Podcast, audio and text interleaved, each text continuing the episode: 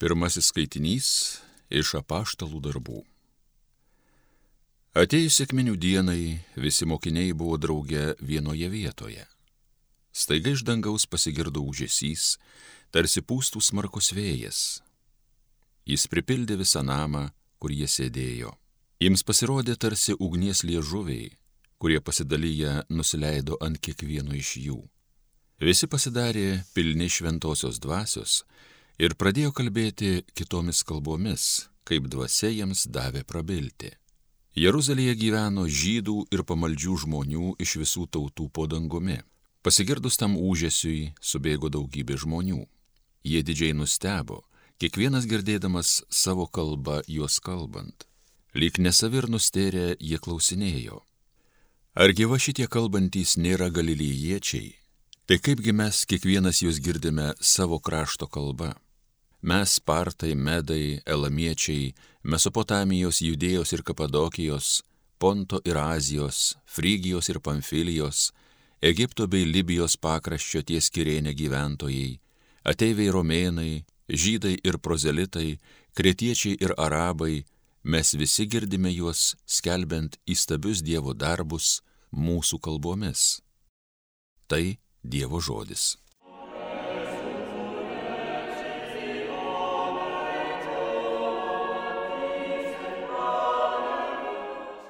Viešpatie, atsiųsk savo dvasę ir atnaujink žemės veidą. Šlovink viešpatie mano sielą, viešpatie mano Dieve, esi be galo didis. Viešpatie, kokia tavo kūrinių įvairovė. Tavo kūrinių pripildyta žemė. Viešpatie, atsiųsk savo dvasę ir atnaujinki žemės veidą. Jei alsavimą atimi, jie miršta ir sugrįžta į dulkes, Kai atsiunti savo dvasę, jie vėl atgyja. Taip tu atnaujini žemės veidą. Viešpatie, atsiųsk savo dvasę ir atnaujinki žemės veidą. Viešpaties garbė per amžius tebūna, Dievas savo kūriniais tesidžiaugia. O kad patiktų jam mano maldos, juk viešpačiu aš džiaugiuosi. Viešpatie, atsiųsk savo dvasę ir atnaujinki žemės veidą.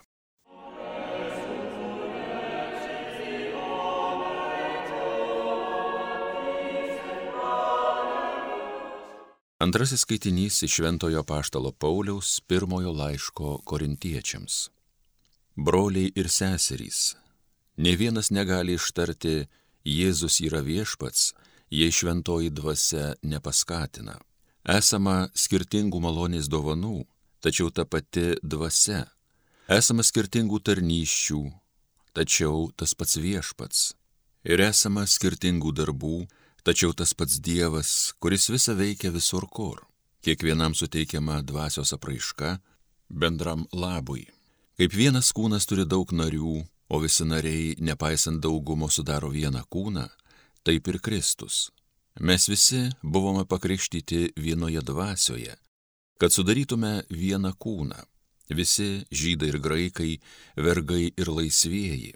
Ir visi buvome pagirdyti vieną dvasę. Tai Dievo žodis.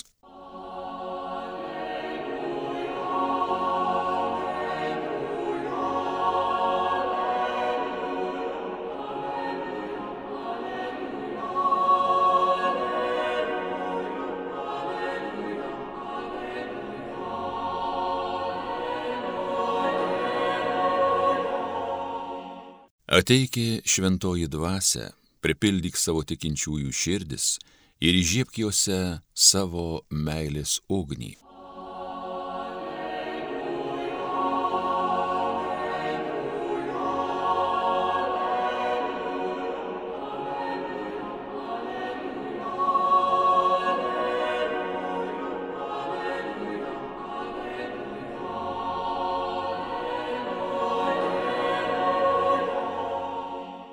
Pasiklausykite Šventojios Evangelijos pagal Joną.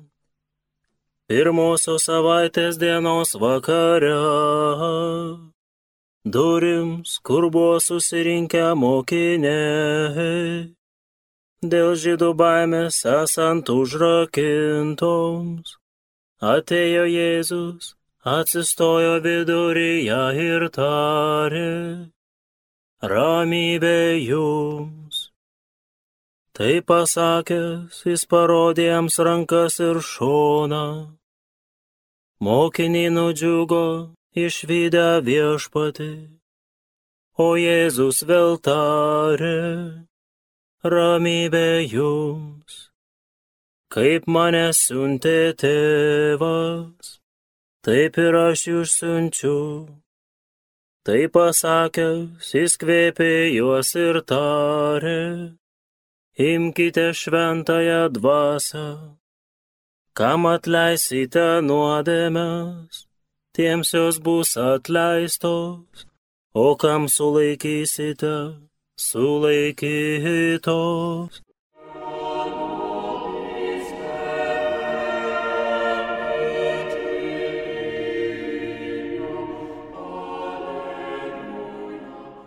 Mėly Marijos radio klausytojai, sveikinu šitokią nuostabią vasaros pradžio šventę.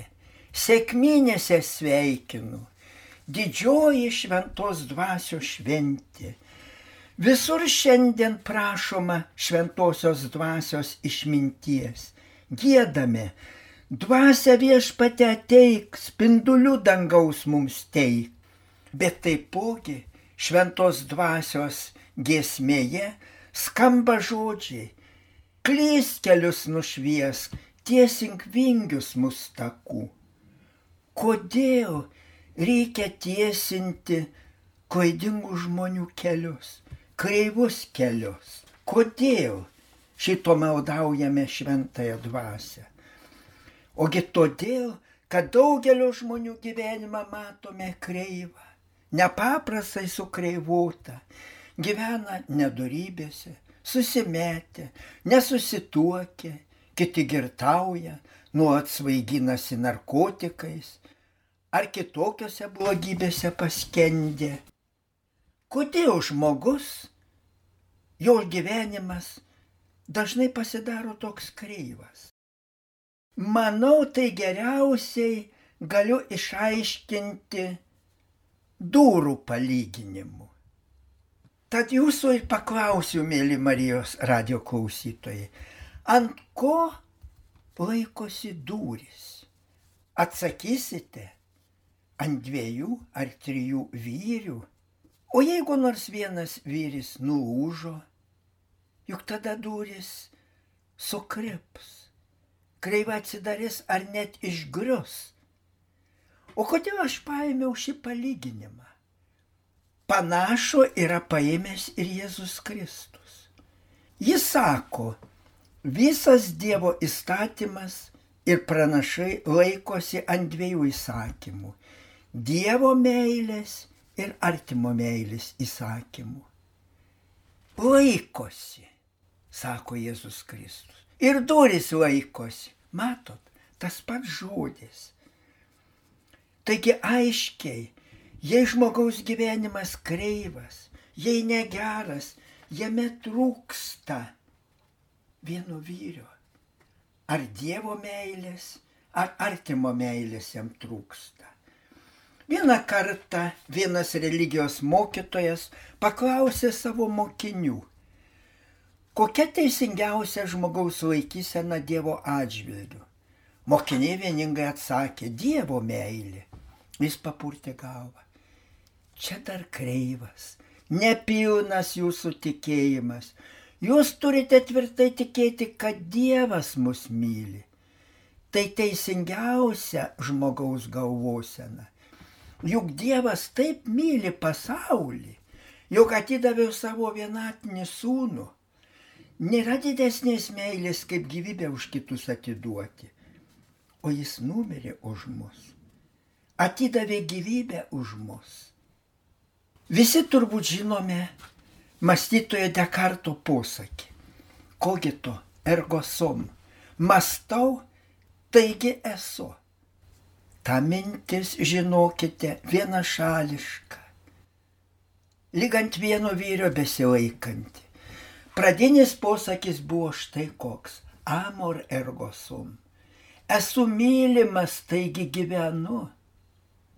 Meilė tai žmogaus gyvenimo pagrindas. Nemylimas žmogus negali gyventi. Šiandien jau mokslo įrodyta. Nenorimas, nepageidautas žmogus dažnai bando žudytis. Šiandien daug gimsta nelauktų, pradėtų prieš santuoką, be meilės vaikų. Ir jie visada jaučia meilės trūkumą. Dėl to tiek daug savižudybių. Sakyčiau, nelaimingi jie dėl to, kad nežino, jog Dievas juos myli. Tegu ir niekas pasaulyje nemyli, bet Dievas tai myli. Dievas visus myli. Dievo meilė dažniausiai užmiršta tie, kurie nuodėmėse gyvena. Šventasis apaštos Paulius laiškė romiečiams pabrėžia, žmogus dažnai tampa nuodėmės belaisvių, net nuodėmės vergu. Ir tokiam vis kyla mintis, kasgi mane išvaduos. Galime ir turime tokiems atsakyti. Dievas, jo meilė trokšta visus išvaduoti. Jėzus juk kviečia, niekada nenustoja kviesti.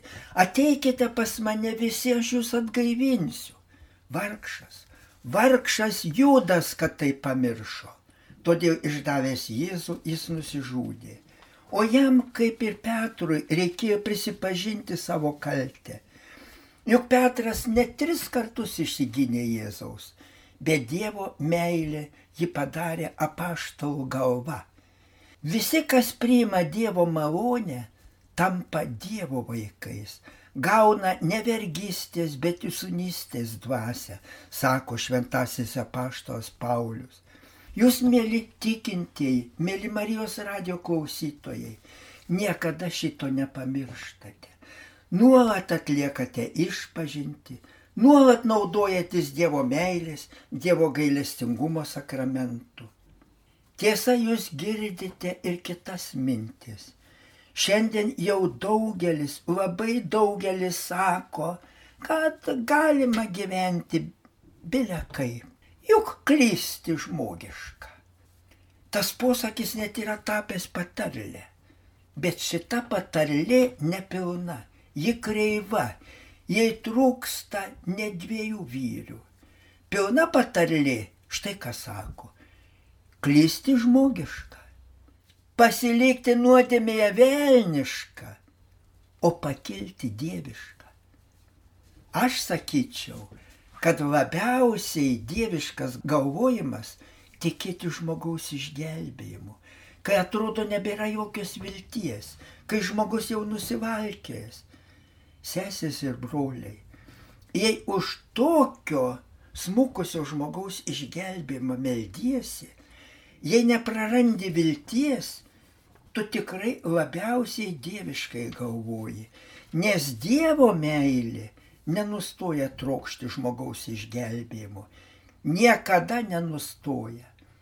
Tai labiausiai jaučia motinos, verkiančios dėl savo klystančių dukrų ir sunų. Jos nenustoja, niekada nenustoja melstis ir labai dažnai Tikrai aš jums pasakysiu, kad labai dažnai po jų mirties dukros ir sūnus atsiverčia, suklumpa prie klausyklos. Niekada, brangieji Marijos radio klausytojai, nenustokime tikėti Dievo gailestingumu. Jei kam ir pasitaikė nusidėti, niekada nepasilikime nuodėmėje. Juk garsusis dramaturgas Bernardas Šau sako, koks nedidelis skirtumas tarp tikinčių ir netikinčių. Abu parkrinta.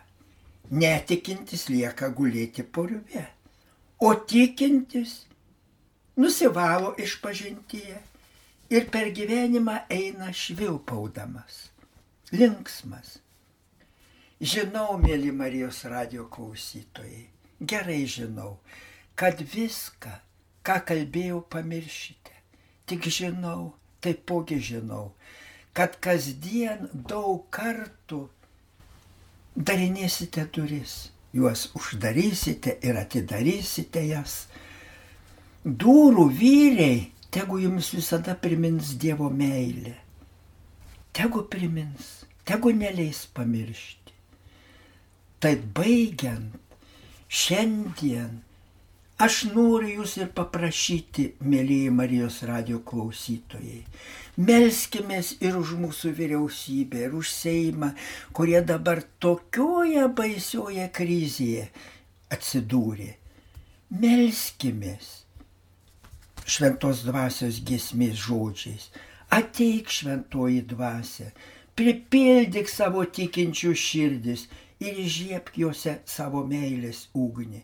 Tegu nuolat skamba tokia malda, toks troškimas, tegu niekada nesiliauja jūsų dvasioje tokia malda, toks troškimas. Amen.